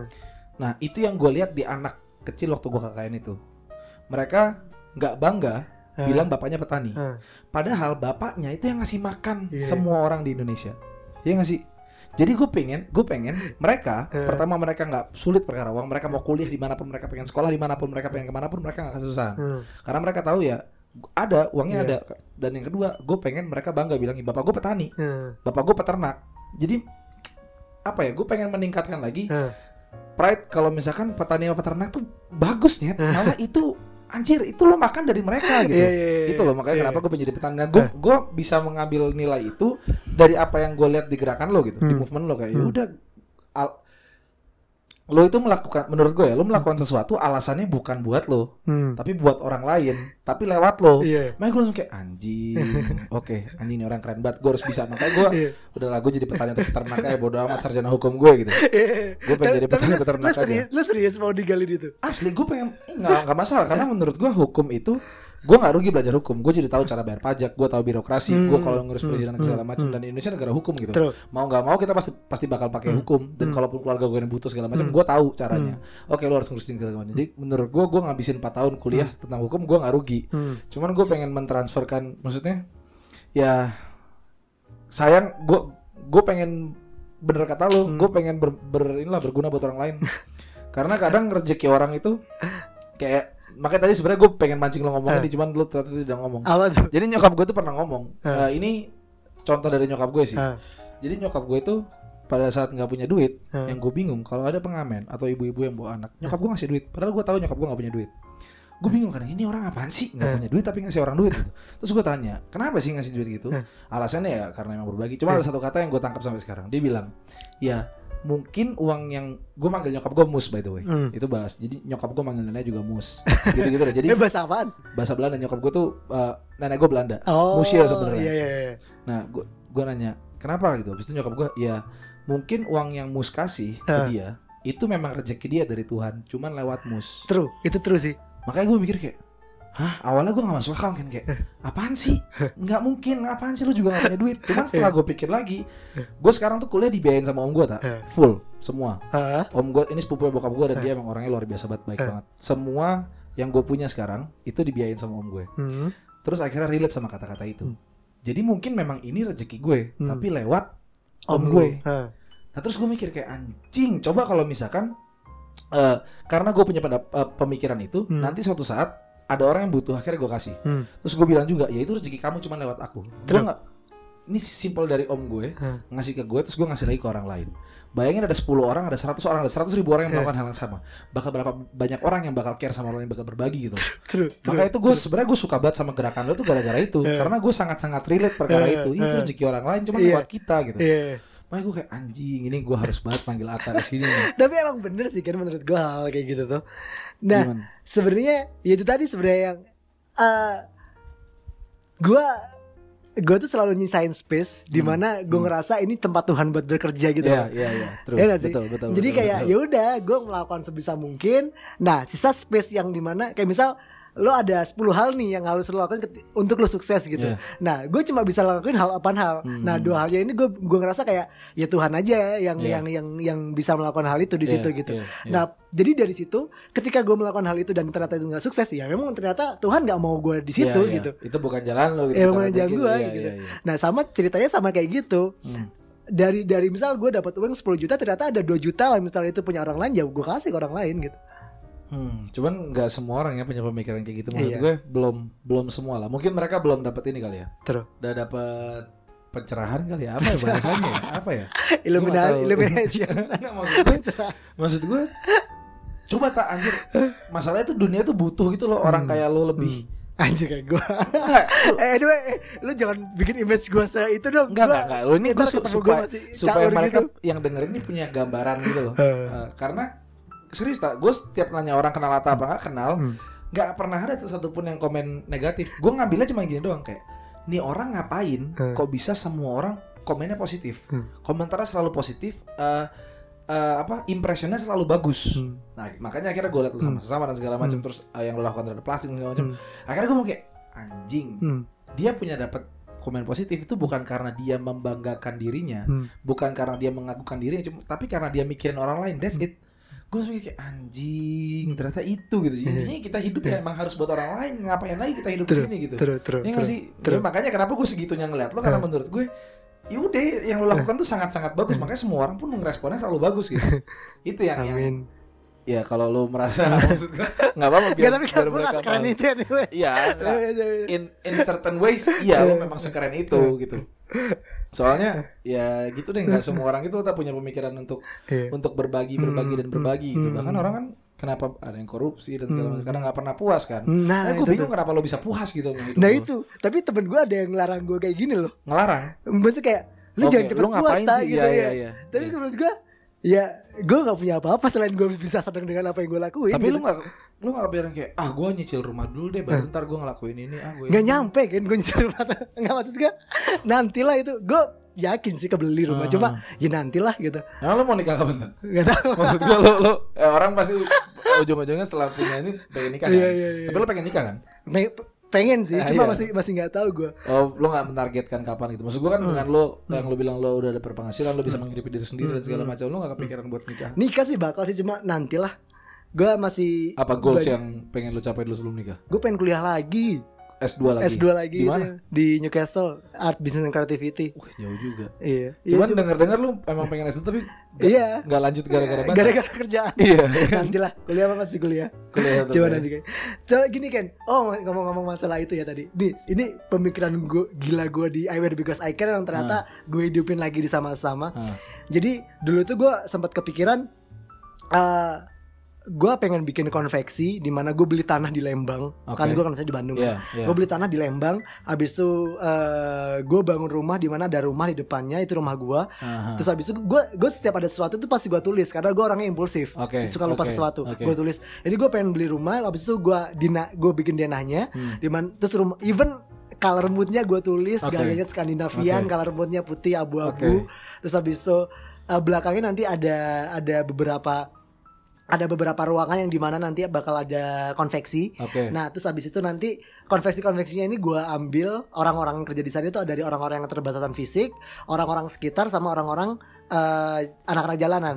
Oke. Yang di mana nanti pekerjaan mereka itu buat ngeproduksi Every Because I Care yang di- Hmm. nanti hasilnya dijual dengan bantuan gua tapi hasilnya buat mereka lagi. Oh, oke. Nah, ternyata hal itu hidup lagi Iya, di iya. sama-sama Aha. dan ternyata lebih gede lagi kan. Jadi impian gua sekarang adalah kenapa gua sekarang nggak nggak ngotot beli rumah karena gue pengen nabung.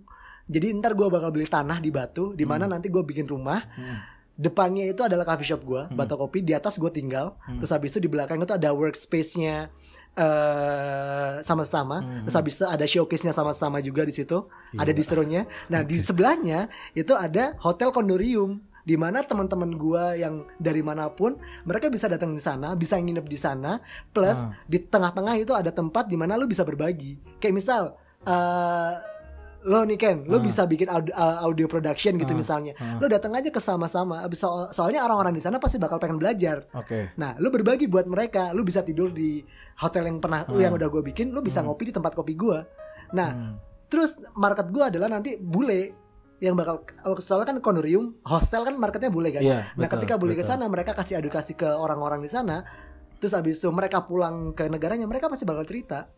Ka- kalau kalau ternyata di Batu ada tempat yang segitunya Oke. gitu Oke, berarti lo emang ber- berencana settle di Malang, gue nggak tahu cuma itu sekarang sampai sekarang di otak gue adanya itu masih di Batu, Hmm. belum kembali ke Lembang. belum belum belum belum Terus ini kembali ke perkara bisnis sedikit lagi nih. Hmm. Kenapa dulu lo dari konveksi Hmm. lo pindah ke eh, coffee shop? Maksud gue dulu waktu gue SMA gue Hmm. pernah tak gue cuman yang gue tangan ketiga lah. Hmm. Itu pun untungnya udah gede banget loh perkara Iya. konveksi ya. Iya. Itu gue tangan ketiga, itu gue Iya. gede banget. Kenapa Iya, lo iya. pindah ke coffee shop? waktu itu coffee shop gue bangkrut eh bukan eh, konveksi gue bangkrut gara-gara eh, gue kontrak sama beberapa, klien yang Hmm. di mana sebenarnya eh, klien ini korporat gede Hmm. adalah you name it ada beberapa kor- korpor- korporat gede Hmm, hmm. nah tapi eh, akses masuk ke mereka itu gue yang pegang sendiri manajer Oke. gue nggak gue nggak mau kasih gara-gara eh, bisa aja manajer gue main belakang. main gitu. belakang Iya, gitu. iya. sampai di titik di mana ternyata gue siaran waktu itu Hmm, hmm. dan gue itu satu-satunya gue kerja kantoran kali ya gue Hmm, siaran hmm, hmm, hmm. Nah ternyata makan waktu banget. Jadi si klien-klien korporat gue ini nggak keurus lah sama gue. Iya, Soalnya kan iya. mereka kan klien korporat gede, banyak orang yang pengen masuk. Iya. Nah cara nge mereka adalah gimana caranya gue selalu keep in touch sama mereka. Hmm, hmm. Even mereka nggak ada order, gue kirimin sampel, gue kirimin sampel gitu. Oke. Ternyata nggak keburu. Iya. Terus habis itu alhasil eh, orderan gue turun, turun, turun, turun, turun, turun sampai di titik di mana kayak gue mending tutup deh daripada gue rugi gitu. Hmm. Situ alhasil sempet break lama itu gue kan Nggak nggak ada gawean. nggak ada gawean Oh. ya itu si- siaran doang Ah. siaran habis itu baru eh bata kopi gue bikin gara-gara gue pengen S2 buat portofolio udah simply kayak gitu Hmm. Jadi sebenarnya bata kopi itu iseng. Iya lu, lu Iseng. pernah ngom Iya, cerita kalau nggak salah itu cerita bata kan. kopi itu iseng gitu. iseng Tapi Cuma akhirnya segede ini. itu serius juga Tapi uh, lu bikin bata kopi itu memang karena uh, di Malang kan memang serba kopi kopi Hmm. kopi atau memang lu suka kopi dari dulu?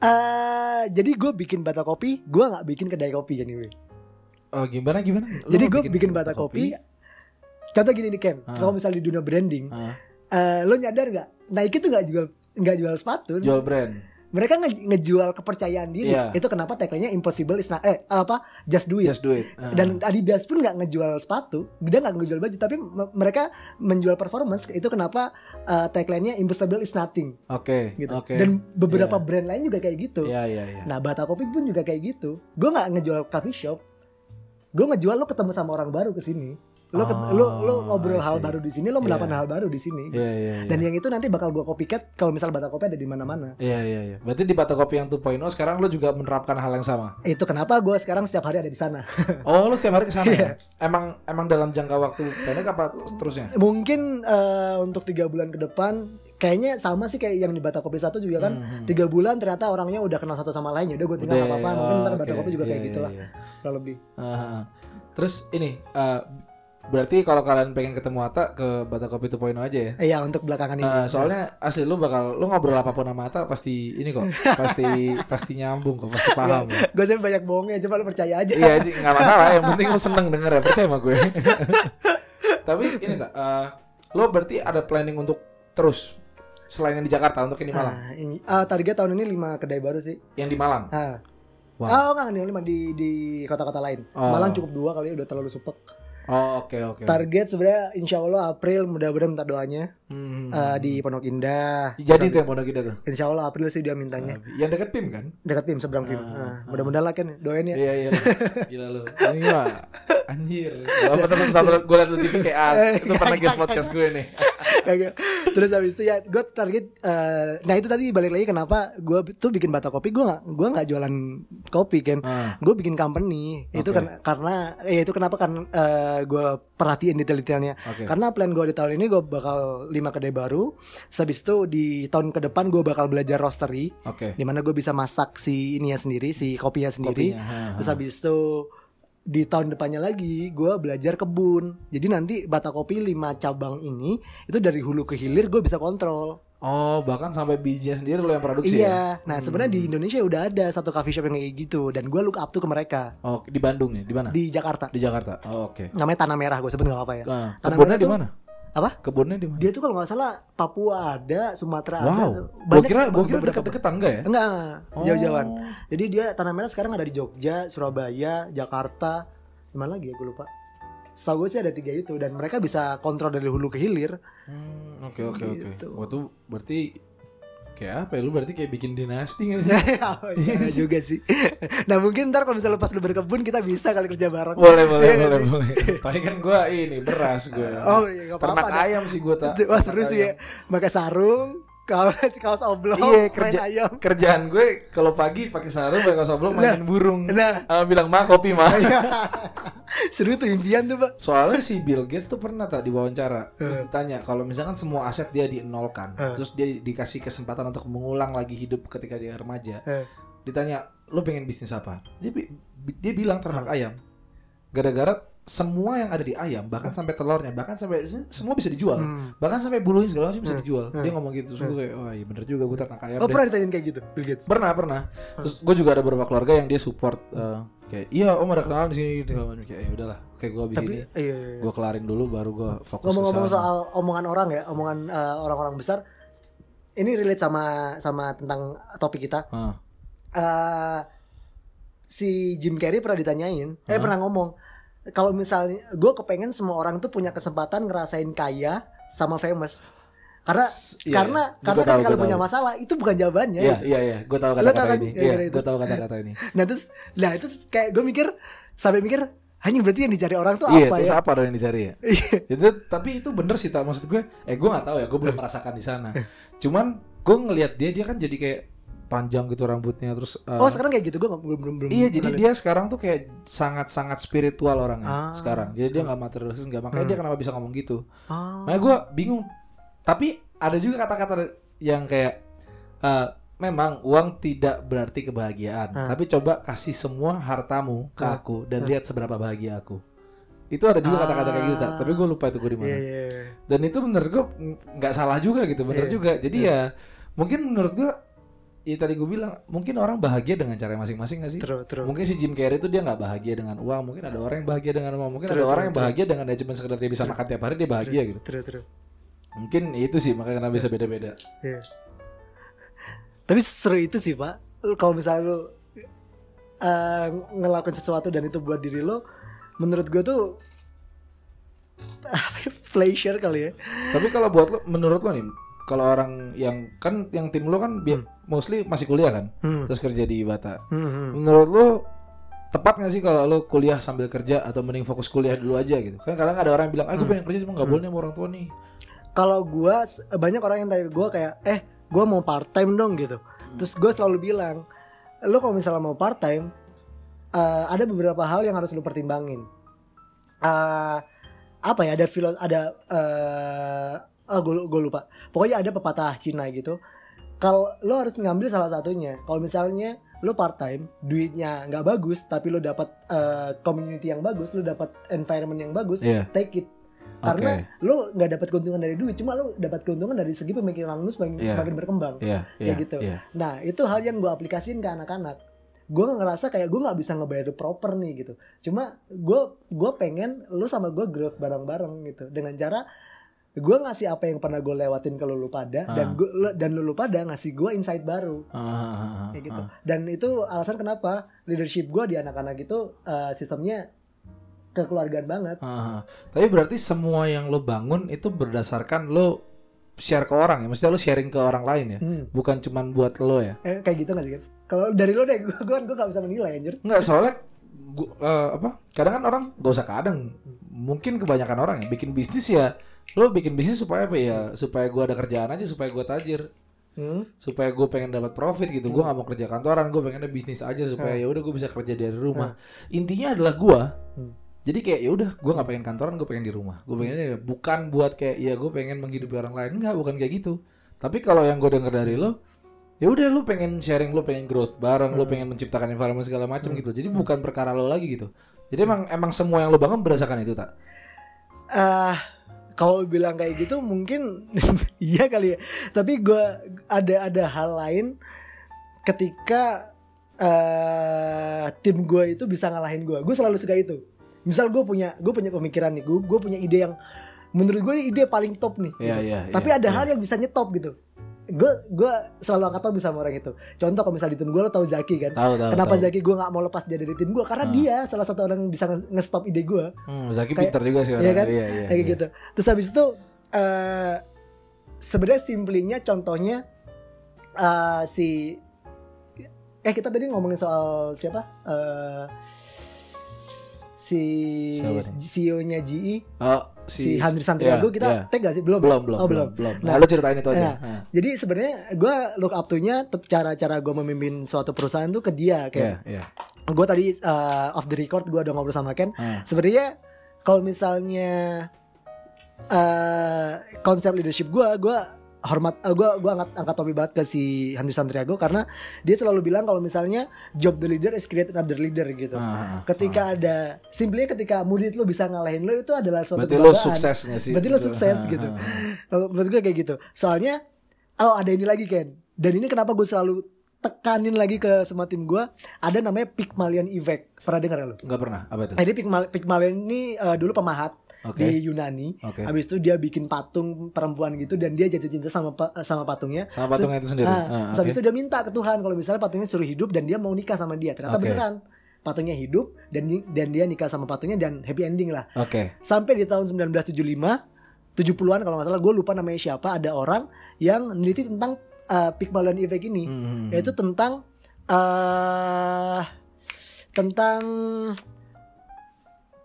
memberi kepercayaan. Oke. Jadi gini, dia dia meneliti tentang ada tiga kelas, ada kelas A, B, C.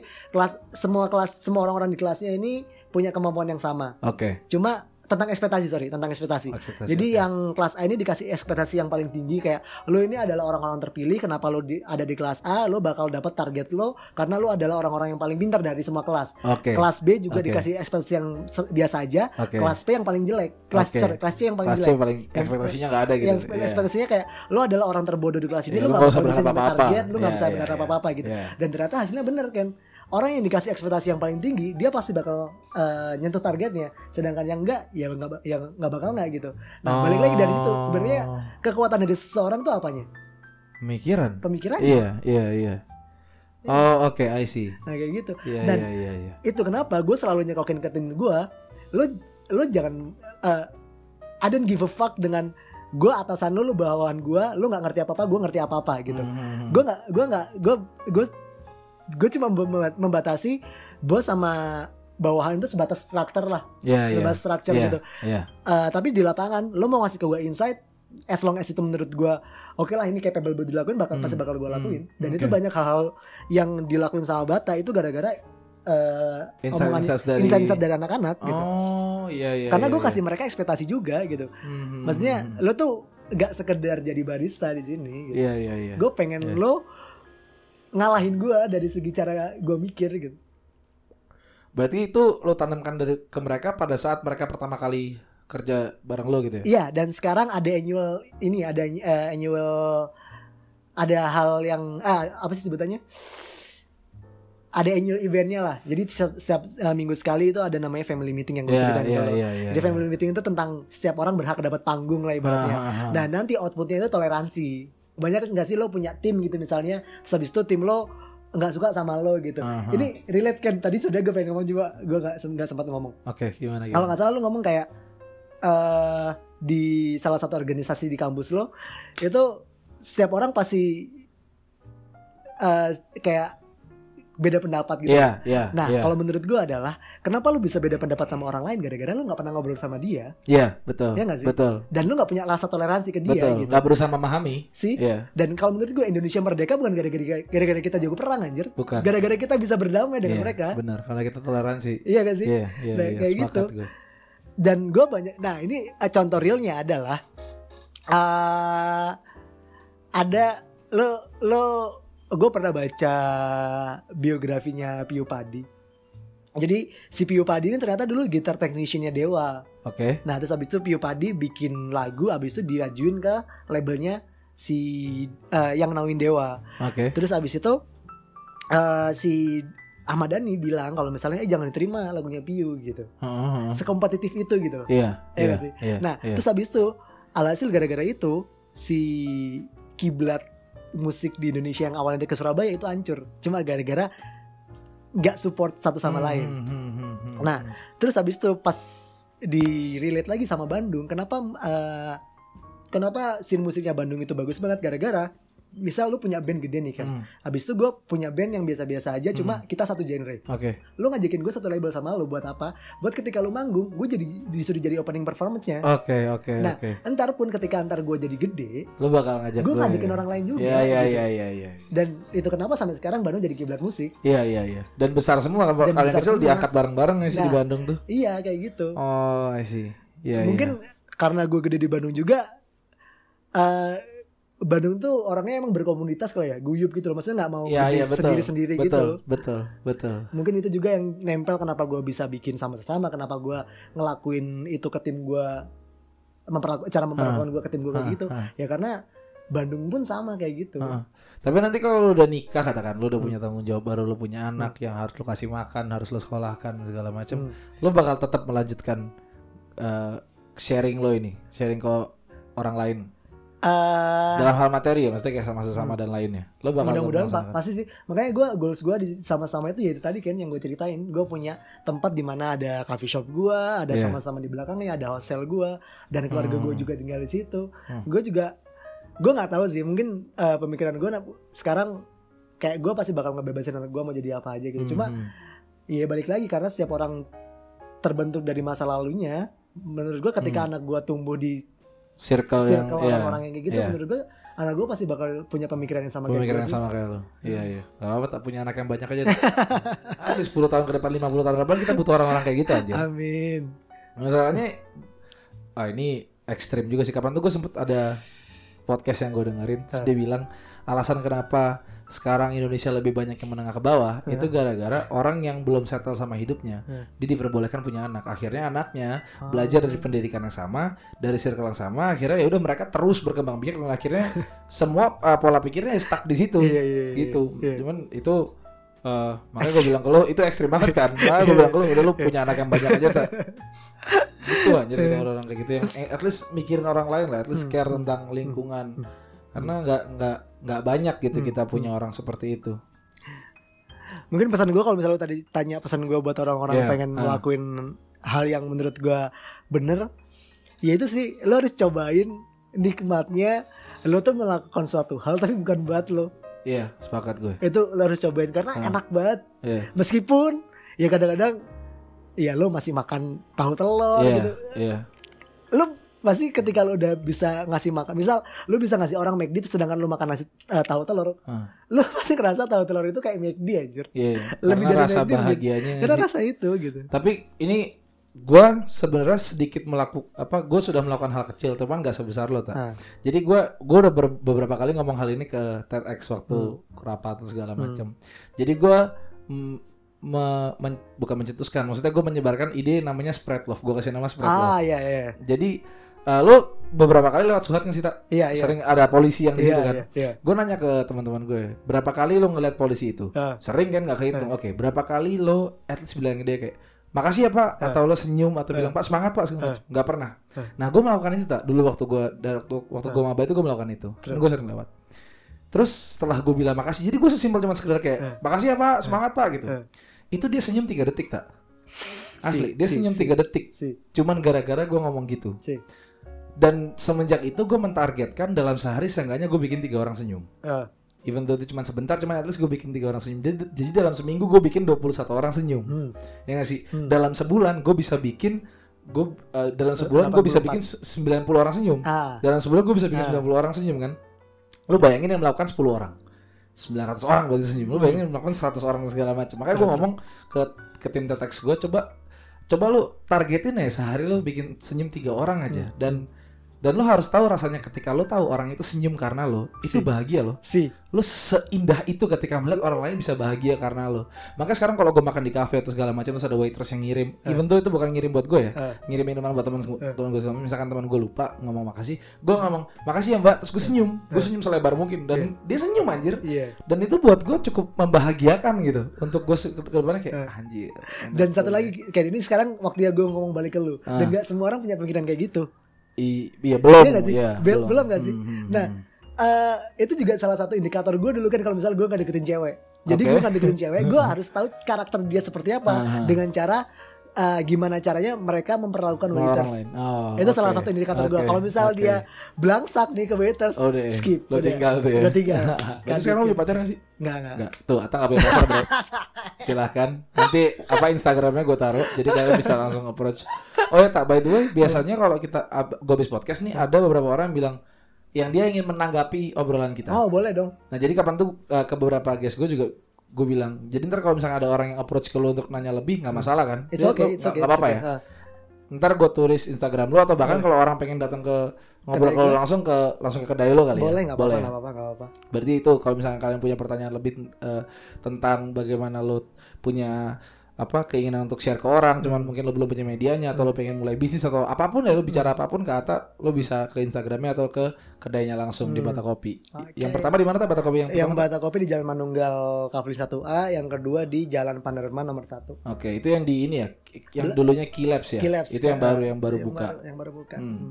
Nah biasanya tak gue podcast tuh cuma satu jam 10 menit. Cuman Ini- biasanya kalau kalau menarik gue biarin los Ah, aja. Terakhir gue paling panjang satu setengah jam. Ini? Ini kita udah sejam 20 menit. Yo, Eh, lu ada pesan terakhir nggak ingin lu sampaikan sebelum kita sudahi? Eh, apa ya? Wah ini nih kayak gini-gini. Kalau bisa di podcast tuh harus cari punchline Iya belakangnya harus gitu ada ya. punchline belakang Gue closing nggak tahu nih closing statementnya apaan. apa ya?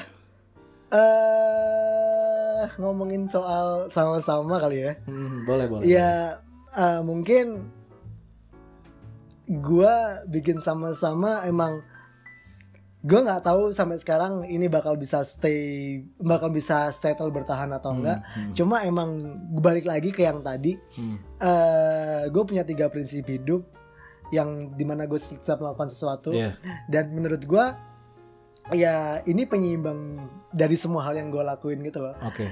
dan jujur dari pas gue udah bikin sama-sama gitu kayak magic happen langsung banyak banget gitu Mhm. terjadi di gue Mhm. dan mungkin itu juga gara-garanya hmm, gue nanam itu gitu Oke. ya nggak sih gue Oke. gua gua nanam gue nanam hal yang di mana mungkin gue sekarang metik hasilnya Oke. dan Iya. maksudnya itu tanpa gue sadari gitu dan Oke. gue senang banget ketika gue ketemu sama kayak lu dan lu Hmm. punya movement eh, apa spirit love Spread love. spirit Ah, love habis itu gue punya circle yang di mana kayak misal Sarah punya you cerita bla Iya, bla bla and so on and iya. so on gitu menurut gue itu bak- pasti bakal bagus karena lu bayangin aja 10 tahun ke depan kita cuy yang mikir Iya, negara yang betul, memimpin negara ini Betul. gitu Betul. Maksudnya kita jadi orang-orang sesuatu lah di Hmm, negara ini hmm, 10 tahun ke depan dan hmm. bayangin aja ketika orang udah di posisi kita dan mereka udah punya pemikiran yang di mana mereka nggak hidup buat mereka sendiri, Betul. gimana nggak bahagia anjir. Sedamai apa negara kita Iya nggak ntar sih? ya? Iya, Itu. Iya. Jadi yang mungkin yang bisa gue tangkap nih ta ya, Hah. kayak lo jangan ragu buat berbuat baik karena ketika lo berbuat baik, baik akan datang kepada lo sendiri. True, tanpa lo minta, tanpa True. lo mohon-mohon dia bakal datang gitu. True. Hmm, Karena yang gue percaya tak satu hal apa pun yang kita lakukan sekarang sekecil apa pun itu akan mempengaruhi hidup kita 10 20 bahkan 50 tahun ke depannya sih True, apa pun true. itu. True. Makanya Ken, jangan banyak-banyak. Enggak, enggak. Ntar ini bagian ini gue cut nih. oh, jangan jangan banyak-banyak begadang. Oh, jangan gitu loh. begadang. Oh, iya. Biar ntar lu sehat Oke, gitu. nggak jadi gue cut berarti. Oke, eh, mungkin kita sudahi kali ya. Oke. Eh, eh, terima kasih banyak tak udah pengen ngisi konten. Thank you so much. Lo bisa sharing tentang bagaimana indahnya berbagi. Ai, siap. Eh, sampai ketemu di perspektif episode berikutnya. Bye. Bye bye.